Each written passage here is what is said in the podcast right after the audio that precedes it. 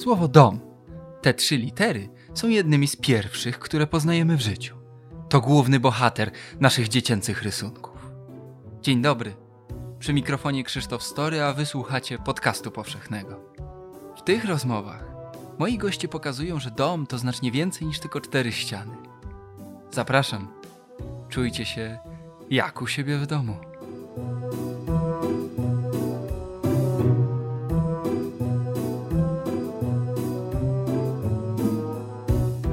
Poprzednim odcinku podcastu rozmawialiśmy o eksploracji kosmosu, a dziś spojrzymy na Ziemię, nasz pierwszy i jedyny do tej pory dom.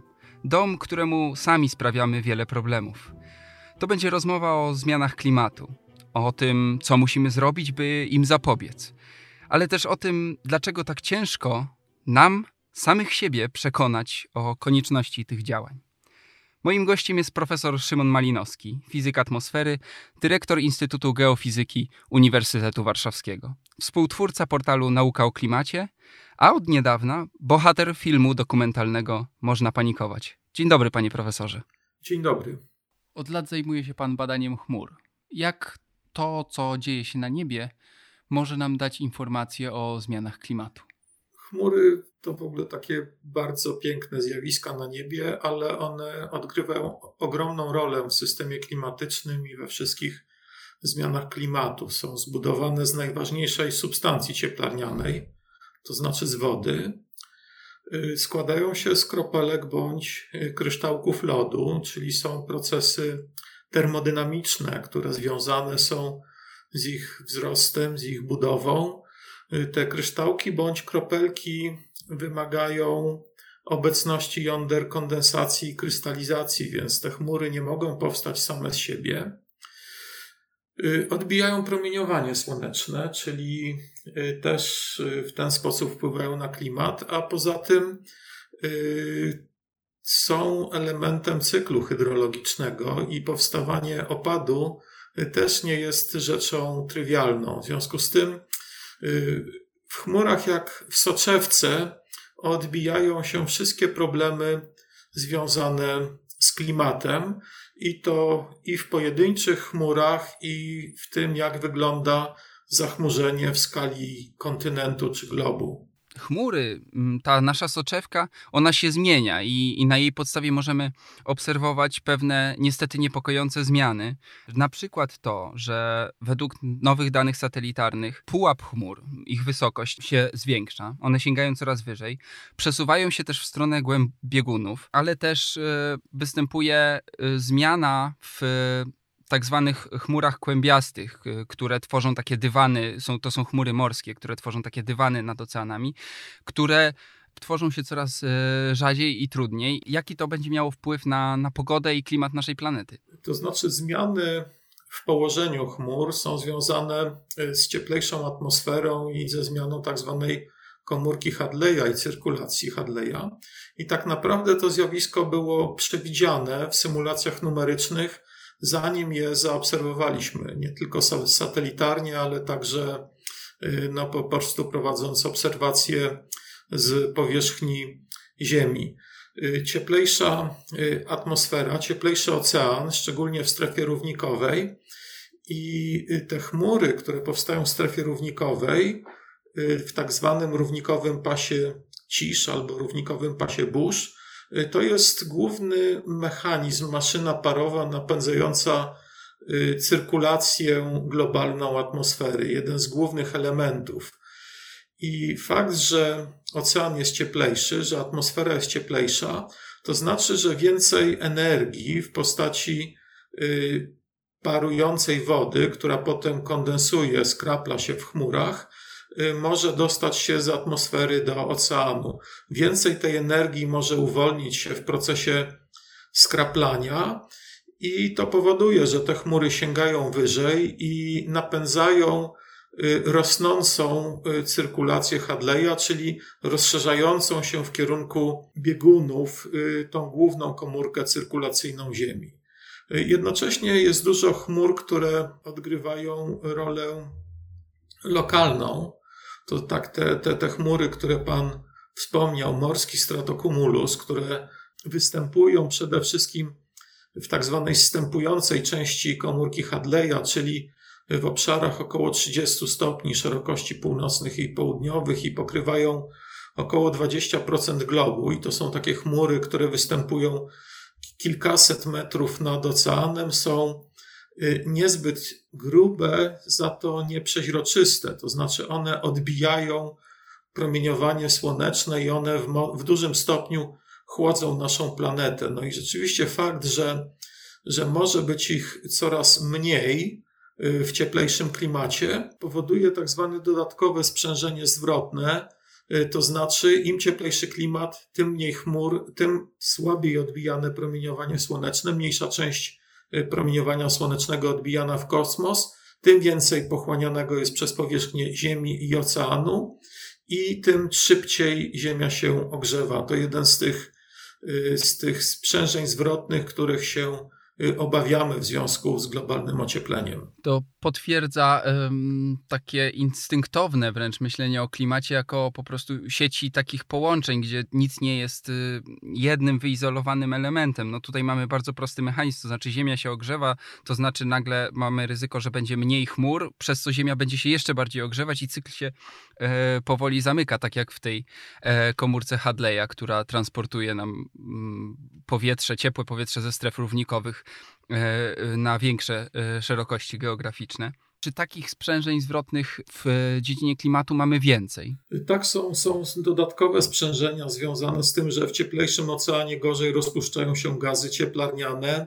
Jest sprzężenie związane z tym, że w cieplejszych regionach północnych, tam gdzie jest to, co kiedyś nazywaliśmy wieczną zmarzliną, ta wieczna zmarzlina przestaje być wieczna i odłożona w niej materia organiczna zaczyna się rozkładać i sama emitować gazy cieplarniane do atmosfery, i każdy z tych elementów dokłada się do tego, że cokolwiek wywołuje podstawowe ocieplenie Ziemi, czy to są nasze emisje y, antropogeniczne dwutlenku węgla do atmosfery, czy to kiedyś były y, wymuszenia orbitalne, czy emisje wulkaniczne, te wymuszenia są wzmacniane i powodują dużo większy efekt niż to, co zapoczątkowało y, jakąś zmianę klimatu. Z kolei na przykład fakt, że emitujemy sporo różnego rodzaju zanieczyszczeń, których kiedyś, kiedyś nie było, powoduje, że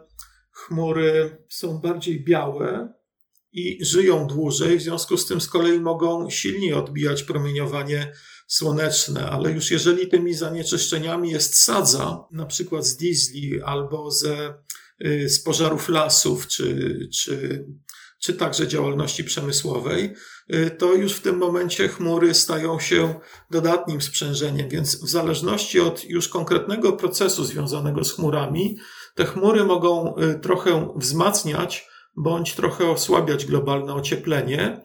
I to jest wszystko taka delikatna gra wielu różnych czynników, które znamy w miarę, ale nie do końca. I ciągle wychodzi nam jakaś y, dodatkowa nowość, jakiś dodatkowy mechanizm, y, czy jakaś dodatkowa zależność, którą odkrywamy i widzimy, że ten układ jest jeszcze trochę bardziej skomplikowany niż myśleliśmy. Przywołaliśmy przykłady z różnych y, stron świata, y, o takie o skali globalnej, a jeśli bym zapytał o Polskę i o zmiany w Polsce, to znaczy czy niebo nad Polską i chmury nad Polską są inne niż 20, 30, 40 lat temu? To troszkę trudno zauważyć patrząc gołym okiem, ale na przykład o tej porze roku i jeżeli mamy y, czyste niebo, nie tak jak w tej chwili, kiedy mamy dużo pary wodnej, dużo chmur w powietrzu, ale kilka tygodni temu, w maju, mieliśmy bardzo chłodne powietrze, bardzo czyste, można zauważyć tak zwane nocne obłoki świecące na, na, na, na północnym horyzoncie, które powstają wysoko nad Skandynawią, a których jeszcze kilkadziesiąt lat temu nie było bo one y, powstają y, w mezosferze, w wyższych warstwach atmosfery, y, które kiedyś były mniej zawilgocone, że tak powiem. Nie było tam dosyć pary wodnej, żeby te chmury mogły powstać. A w tej chwili one się trafiają coraz częściej i możemy je zaobserwować na północnym nieboskłonie. Mamy troszeczkę inne chmury, troszeczkę głębiej sięgające, bo jest ogólnie cieplej i tak jak w tej chwili sytuacja z większą ilością pary wodnej w powietrzu, kiedy napłynie odpowiednio wilgotne powietrze dalej z południa, to te wszystkie zjawiska konwekcyjne, burzowe, gwałtowne ulewy robią się gwałtowniejsze niż były kiedyś.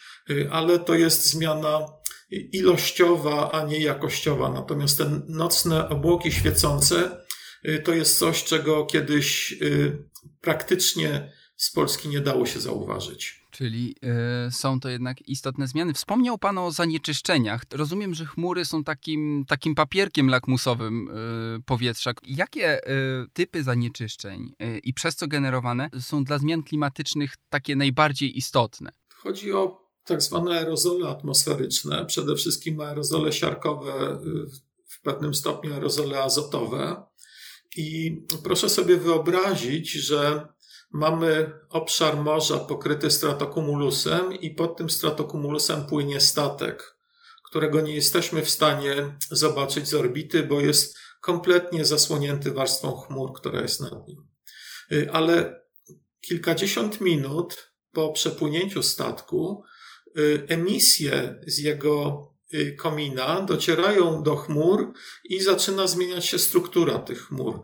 Y, chmury zaczynają mieć więcej kropelek i stają się bardziej białe. I w tym momencie już widzimy z satelity, że pod tymi chmurami przepłynął statek. Więc y, takie subtelne zjawiska jesteśmy w stanie zaobserwować. Takie subtelne zjawiska już wpływają na właściwości chmur. Oczywiście lokalnie. Natomiast jeżeli mówimy o y, emisji w skali globu, no to emisje z Europy, z Ameryki czy, y, czy z Chin y, są widoczne.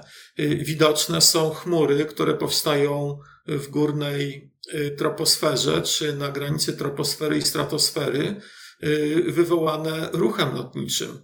Nie z tego powodu, żeby spaliny z samolotów były jakoś szczególnie toksyczne, czy zawierały bardzo wiele różnych szkodliwych związków, ale wystarczy, że zawierają wodę, prawda? Węglowodory spalają się do dwutlenku węgla i wody i w tym momencie powodują, że jest więcej pary wodnej w górnych warstwach atmosfery, która tam nie docierała wcześniej z powodu innych mechanizmów i już w tym momencie pojawiają się chmury typu cirrus, jest taka nawet nazwa Aviation Induced Cirrus, jest taka modna teoria spiskowa o chemtrails, y, to znaczy y, takich smugach rozpylanych rzekomo przez samoloty. Nie, to nie są, to nie są smugi chemikaliów, to są smugi kondensacyjne, z tym, że rzeczywiście dziś ich jest dużo, bo rośnie ruch lotniczy, a także one potrafią się dłużej utrzymywać i rozbudowywać do wielkich połaci chmur cirrus, z tego powodu, że ten ruch lotniczy jest na tyle silny, że ta dostawa wody y, już zaburza procesy naturalne. Jakie to ma konsekwencje? Y, te chmury z kolei, te Aviation Induced Cirrus, y, grzeją klimat. Paradoksalnie, no bo para wodna jest tą najważniejszą substancją cieplarnianą. Te chmury są dosyć rzadkie, słabo odbijają promieniowanie słoneczne no i fakt, że powstaje taka warstwa chmur i zwiększony y, obszar pary wodnej w atmosferze y, powiększa efekt cieplarniany i grzeje planetę. Mam nadzieję, że dobrze to uproszczę. Chmury o niskim albedo, które nie odbijają światła słonecznego, a dalej potrafią zatrzymywać ciepło mm, ziemskie, które, które nasza planeta gdzieś tam oddaje. Podcast powszechny. Weź, słuchaj. Chmury bada pan od wielu, e, wielu lat. Od pewnego czasu kojarzony jest pan z e, opowieścią o klimacie, o, o, zmianach klimatycznych w dużo szerszym aspekcie. Skąd energia i skąd potrzeba opowiadania o, o klimacie? No przede wszystkim y, w Polsce nie ma ani jednej instytucji, która o tym by odpowiadała. Nie ma żadnej instytucji państwowej czy, czy nawet uczelni, gdzie badano by klimat w sensie, nie w sensie tym, że istnieją różnego rodzaju małe grupy badawcze czy, czy pojedyncze osoby, które badają różne aspekty zmiany klimatu, ale nie ma takich jednostek, które by, dałyby to kompleksowo i przekazywały wiedzę na ten temat y, społeczeństwu. Pod tym względem, jeżeli sobie porównamy to, co możemy obejrzeć w Polsce, z tym, co możemy obejrzeć na temat klimatu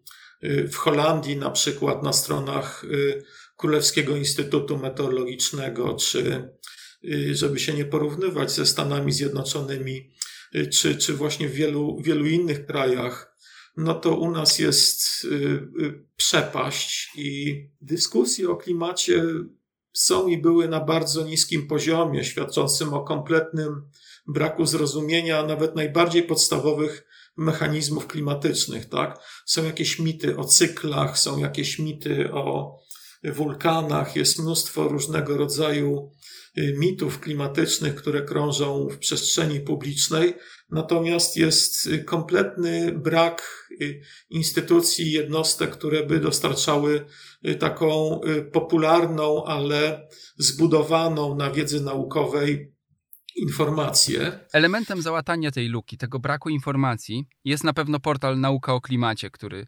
powstał z Pana inicjatywy 8 lat temu w, wraz z zespołem, czyli Aleksandrą Kardaś, Marcinem Popkiewiczem i Anną Sierpińską. Po wejściu na tą stronę od razu widać, że znalazło się w innym miejscu niż na przykład serwis taki popularny, informacyjny, który gdzieś tam pisze o klimacie. Polegacie prawie wyłącznie e, na danych naukowych. Po lekturze można mieć e, taką pierwszą refleksję, że to jest nieprawdopodobnie skomplikowany proces. Proces, który dotyka i dotknie każdego aspektu życia na Ziemi i naszego życia. Czy my możemy, możemy ten proces jedynie jakoś modelować? Czy my wiemy, ile mamy czasu? Nie, za, nie ile mamy czasu do momentu, w którym zmiany klimatu się wydarzą, bo one się wydarzają dzisiaj i od wielu lat, tylko do momentu, w którym musimy podjąć naprawdę zdecydowane działania. To znaczy, ten czas się wyczerpał. W tej chwili niepodejmowanie tych zdecydowanych działań prowadzących do bardzo szybkiej redukcji emisji gazów, gazów cieplarnianych grozi nam y, katastrofą na skalę globalną i cywilizacyjną, bo te sprzężenia zwrotne, y, o których wspominaliśmy we wcześniejszej części tej, tej audycji, one zaczynają się na siebie nakładać i obawiamy się takiego efektu y, kaskadowego, i stosunkowo szybkiego przejścia y, planety w zupełnie inny stan, takiego przejścia, przejścia fazowego. Ale co to znaczy dla nas? Y, dla nas i dla całego życia, które wyewoluowało przy powolnych zmianach klimatu, to jest niemal jak uderzenie asteroidy. Taka jest różnica skal czasu, Y, tego, jak szybko działamy na klimat i z drugiej strony tego, jak szybko y, życie i cała biosfera jest w stanie się y, do tego przystosować i znaleźć jakąś równowagę. 10 podstawowych zagrożeń klimatycznych, 10 podstawowych skutków rosnącej temperatury na Ziemi. Oczywiście ocieplenie, fale upałów, opady, susze, powodzie, pożary, gwałtowne zjawiska pogodowe, czyli burze i huragany, co widzimy innymi w Polsce tego lata. Wzrost poziomu morza, zmiany w szacie roślinnej, zmiany w chemii wody oceanicznej. E, jest taka analiza mm, pod kierunkiem naukowca Camilo Mory, który wylicza mm, skutki zmian klimatów, e, zmian wpływu, aspekty wpływu zmian klimatu na nasze życie jako ludzi.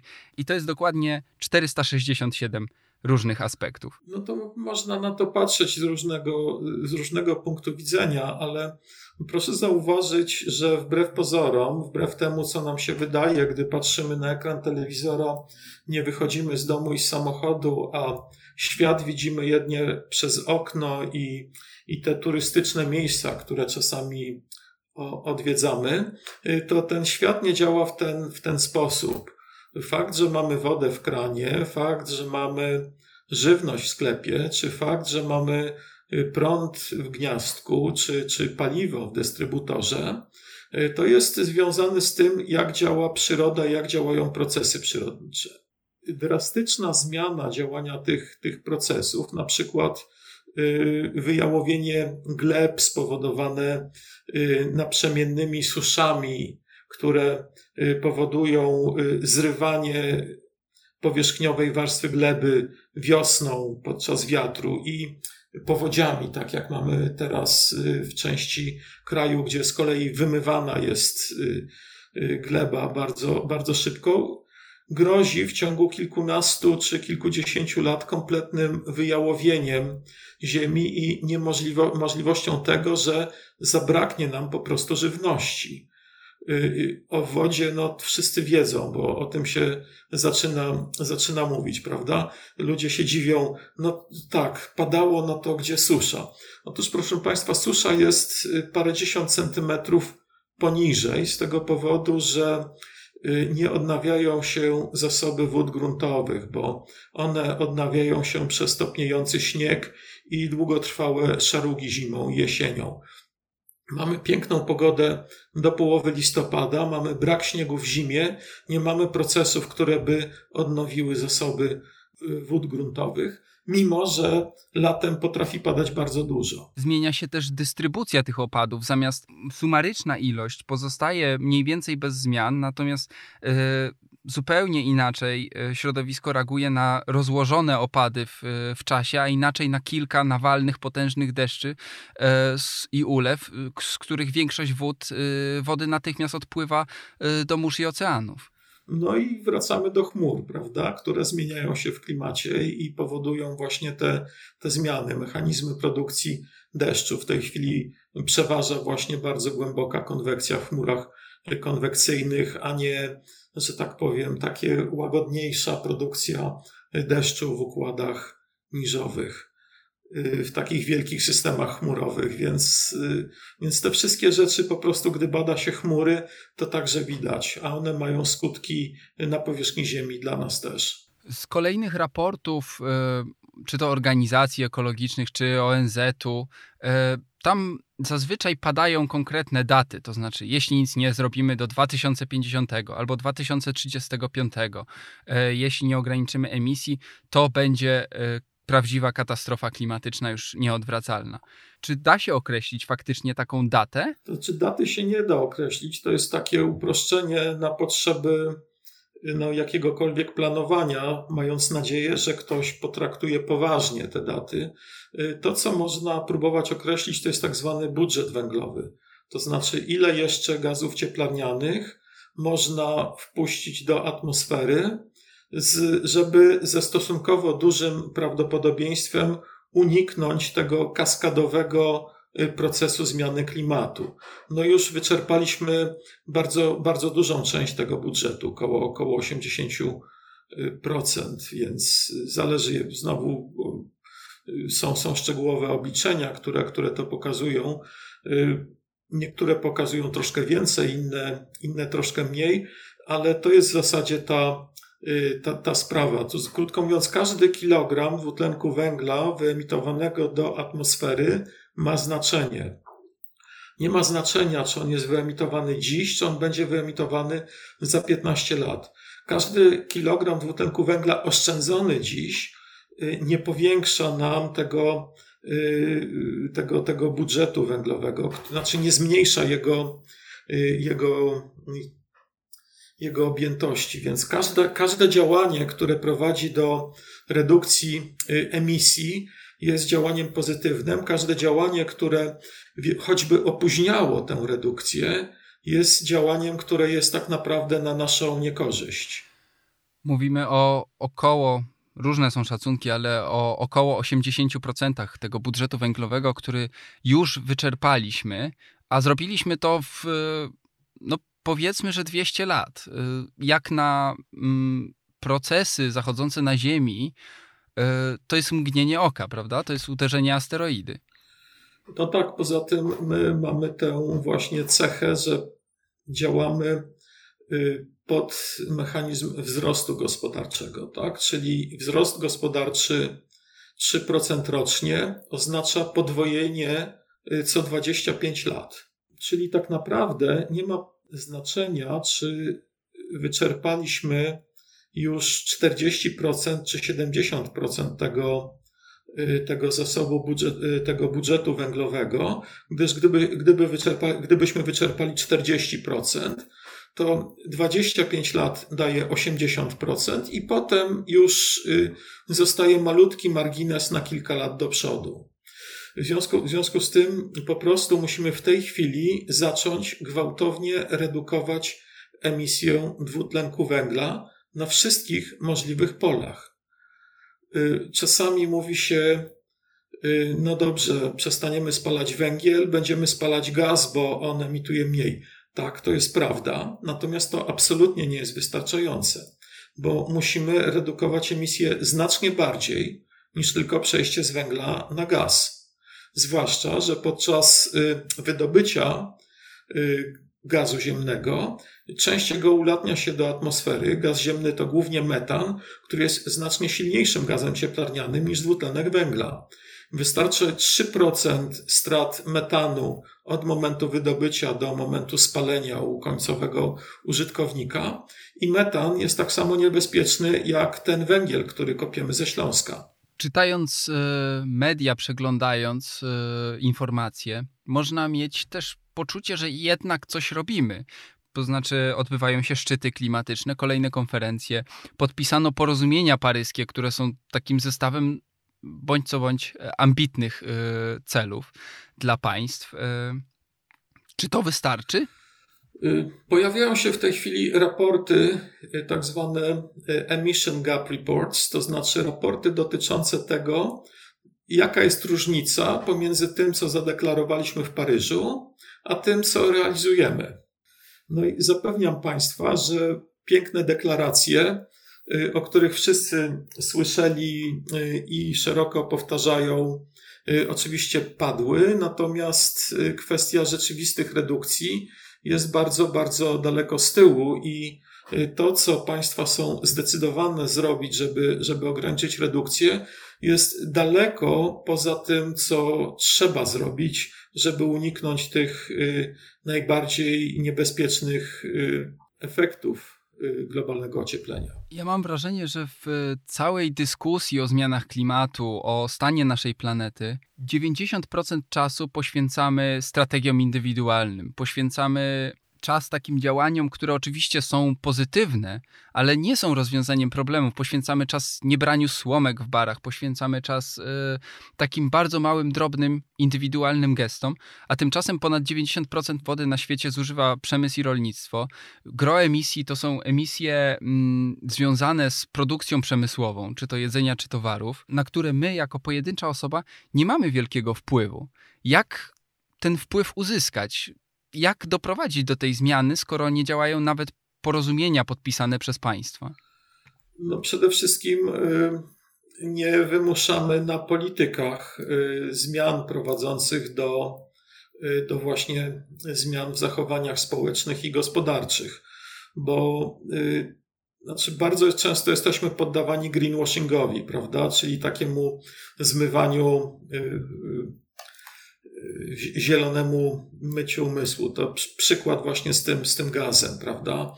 Kolejny przykład, no to bardzo dużo część tych zachowań, które oczywiście są jak najbardziej uzasadnione, czy kwestia gospodarki odpadami, czy kwestia właśnie plastików i tak dalej. No ale tak naprawdę Y, zrzucana jest y, odpowiedzialność na końcowego użytkownika przy kompletnym braku działań systemowych, prawda? Mówimy, y, cyrkulujcie, recyrkulujcie odpady i nawet wykonujcie pewne sortowanie odpadów. Przepraszam, dlaczego nie ma prawodawstwa, które by bardzo ograniczyło opakowania, które nakazałoby po prostu zaznaczać na każdym produkcie, Y, do jakiego typu pojemnika na odpady należy go wyrzucić, jak już przestanie nam być y, potrzebny. Dlaczego nie ma podatku węglowego i środowiskowego, y, które wymuszałyby oszczędzanie czy energii, czy właśnie paliw kopalnych, czy niszczenia środowiska. Oczywiście ten podatek mógłby być na przykład zamiast podatku dochodowego no bo dlaczego, dlaczego opodatkowywać pracę?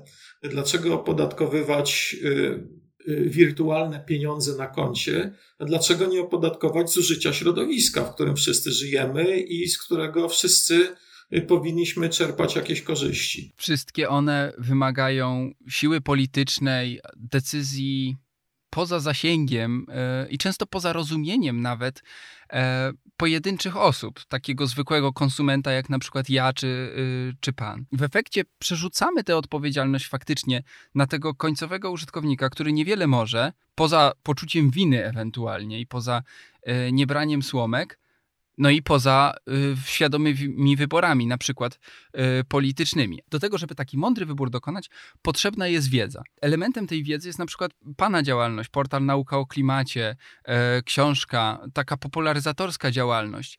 Ale to też tego też mam wrażenie w Polsce brakuje. Po angielsku jest takie sformułowanie science communicator. E, w Polsce rzadko się używa sformułowania popularyzator nauki faktycznie nam tego brakuje? No bardzo nam tego brakuje, jak w ogóle nam bardzo brakuje nauki. Brakuje nam y, bardzo wykorzystania nauki właśnie przy podejmowaniu decyzji politycznych i świadomego pokazywania przy tych decyzjach, y, jak nauka jest ważna i co może pomóc, jakich, jakich informacji może nam dostarczyć i y, jak kształtować nasze, y, nasze decyzje. U nas, y, że tak powiem, decyzje rządzących są podawane w sposób taki jaśnie oświecony. Nie ma żadnego think tanku czy takich instytucji, które dostarczałyby politykom odpowiednio przygotowanej wiedzy, prawda? Politycy czasami zaproszą kogoś na rozmowę albo y, ad hoc zrobią jakiś y, program, gdzie nawet rzucają pewne pieniądze do tego, żeby naukowcy opracowali jakieś zagadnienie, które może być potem przydatne. Już bardzo dużo takich programów i rozwoju energetyki, i gospodarki wodnej, i gospodarki odpadami było. I, I co z tego, jak nie ma żadnej kontynuacji, nie uczymy się na błędach i każdy nasz nowy program to jest zaczynanie od zera. To, to nie można tak działać, jeżeli chcemy uniknąć katastrofy. Podcast powszechny. Weź, słuchaj. W tej chwili już jesteśmy w tej sytuacji, że musimy te wysiłki kierować wszędzie. To znaczy, wszyscy świadomi powinni jednak rozmawiać z nieświadomymi i próbować pokazywać, na czym polega y, problem. Powinni się starać y, dokształcić. Y, powinniśmy robić naciski na poziomie gminy, na poziomie spółdzielni mieszkaniowej, na poziomie bloku, ale także na poziomie całego, całego kraju. No bardzo dobrze, że powstają różnego rodzaju Y, organizacje społeczne i pozarządowe, y, ale jak widać, one cały czas jeszcze nie przedostają się do głównego nurtu politycznego, bo y, nawet politycy nie wspominają w swoich programach o potrzebie tworzenia tego typu zaplecza naukowo-doradczego, które pozwoliłoby im podejmować racjonalne decyzje, raczej przygotowują programy w oparciu o, y, że tak powiem, takie szeptane doradztwo w swoim otoczeniu czy w otoczeniu swojej partii. Widzę, że większość osób, które się wypowiadają w tej sprawie, to są aktywiści. Bardzo rzadko widzę w mediach yy, naukowców. Bardzo rzadko widać też w mediach y, naukę. Pan tutaj jest wyjątkiem y, jako Mm, redaktor portalu, jako bohater ostatnio filmu dokumentalnego Jonathana Ramseya, y, który nosi tytuł Można panikować. Dlaczego tak jest? Czy to wynika z tego, że nauka, jak to się mówi w medialnym języku, nie klika się? Czy też naukowcy boją się wyjść z takim bardziej popularnym przekazem? Znaczy, tutaj jest bardzo, bardzo dużo przyczyn. Jest jedna przyczyna, że nauka się nie klika, i druga przyczyna jest taka, że nikt y, właśnie nie próbuje dowiedzieć się, y, co jest tam u naukowców. Kolejną przyczyną jest to, że y, bardzo duża część nauki to jest bardzo wąskie zagłębianie się w jakieś pojedyncze drobne zagadnienia czy dziedziny i trochę brakuje nam ludzi, którzy syntetyzują informacje i potrafią przekazać je y, w sposób jasny i zwarty, więc kolejną przyczyną to jest kwestia tych, tych baniek y, informacyjnych. Tak? W tej chwili y, w tej chwili przez to, że każdy może się wypowiadać na każdy temat, jest ogromny szum informacyjny i my sobie z tego szumu odfiltrowujemy i to, co nas nie interesuje, i lądujemy w takiej bańce wzajemnej adoracji. To znaczy. Przekonujemy y, przekonanych. Poruszamy się tylko w obszarze y, tego, co nam odpowiada, a nie tego, co jest ważne, czy co pozwala zrozumieć różnego rodzaju mechanizmy. Więc tu jest bardzo dużo mechanizmów i społecznych, i politycznych, także związanych z samą nauką, ale z nowymi technologiami informacyjnymi, z całym, z całym naszym życiem. Nie radzimy sobie z tym, tak samo jak nie radzimy sobie y, z globalnym ociepleniem. Y, film e, Jonathana Ramseya, o którym wspomniałem, który miał premierę w tym roku i, i podbija internet, e, kolejne setki tysięcy wyświetleń, e, jest nie tyle filmem naukowym, albo nawet popularno-naukowym, jest takim intymnym dość portretem naukowca, co się bardzo rzadko zdarza. To znaczy, to nie był mój pomysł, to na pomysł padł Jonathan i długo mnie do tego przekonywał. Dużośmy rozmawiali na ten temat. No i stwierdziłem, że y, robimy ten portal Nauka o Klimacie, napisaliśmy książkę, robimy wykłady popularyzatorskie, robimy innego typu rzeczy. Cały czas mamy y, taką, takie poczucie uderzania głową, głową w mur. Więc, więc może pokazanie tego, w jaki sposób wygląda to uderzanie od strony tego, co próbuje uderzyć, właśnie, y, że może to y, da do myślenia. No i stąd, stąd ten pomysł na film. Podcast powszechny. Weź, słuchaj. Ogólnie ludziom ten film się podoba, aczkolwiek oczywiście miałem bardzo, bardzo dużo takich y, uwag no, że ja się spodziewałem czegoś innego, jakichś wykresów, wykładu. Y, no ale właśnie y, postanowiliśmy trochę, trochę inaczej, no, poruszyć trochę ludzi od, od innej strony, pokazać, że naukowiec to też człowiek i, i, i że popularyzacja wiedzy jest trudna, a w sytuacji, kiedy ta popularyzacja dotyczy takiego poważnego tematu, ja nie mówię, że jedynego, bo, bo wisi nad nami kilka różnych y, potencjalnych katastrof, y, to ona jest też dosyć y, frustrująca, może być czasami. Więc no, próbowa, próbowaliśmy tutaj pokazać taką, taką ludzką stronę uprawiania nauki, prawda? Bo, bo każdemu się wydaje, że no tak, aktor to odtwarza zachowanie ludzi. Piosenkarz y, wpływa na emocje. Tak samo jakiś celebryta telewizyjny tak naprawdę dokładnie gra na emocjach i na takich najprostszych, najprostszych odruchach, a za nauką z jednej strony stoi pewna praca i pewien duży wysiłek umysłowy.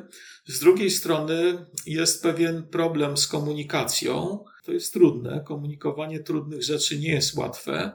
To jest praca, y, praca dwustronna, tak? To nie jest takie wygłaszanie y, sądów ex cathedra. To jest y, dialog, to jest rozmowa, to jest zwracanie uwagi na, na potrzeby, to jest zadawanie pytań, to są wielokrotne wyjaśnienia.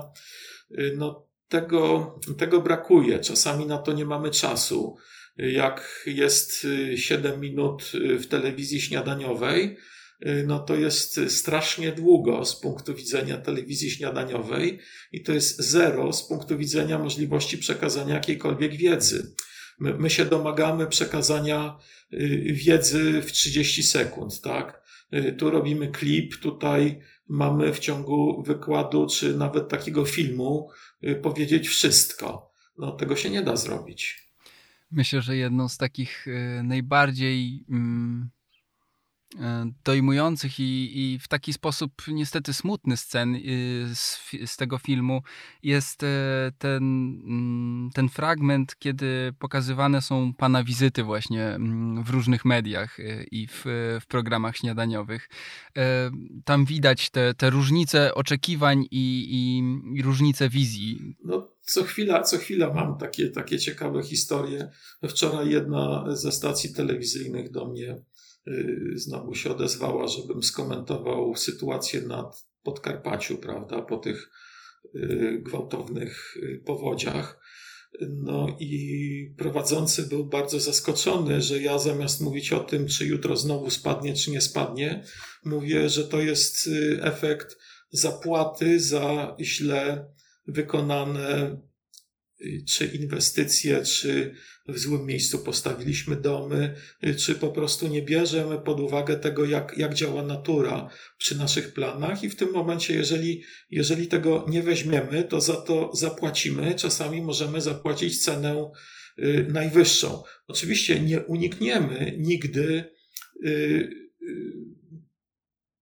tragedii związanych z różnego rodzaju katastrofami naturalnymi. To zawsze było i zawsze będzie, y, ale no po to mamy naukę i po to mamy zrozumienie tych wszystkich procesów i zjawisk, żeby użyć rozumu i żeby y, nie wystawiać się na, y, na te zjawiska czy na te katastrofy, na które nie musimy.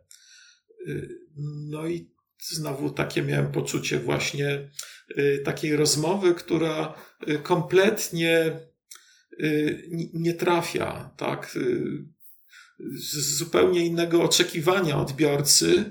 On, on chciałby jednej szybkiej odpowiedzi i załatwienia całej sprawy, a, Właśnie, a to tak nie działa. No, niestety y, różnica w tych wizjach jest y, często aż nazbyt widoczna, ale wynika też niestety z oczekiwań odbiorców, y, którzy nam samych siebie jest ciężko przekonać i ciężko jest słuchać o o trudnych sprawach, bo duża część e, tego przekazu niestety opiera się na straszeniu, no bo efekty zmian klimatycznych czy kryzysu klimatycznego są obiektywnie mm, straszne i mogą być przerażające i bardzo łatwo okazuje się, że to wypieramy.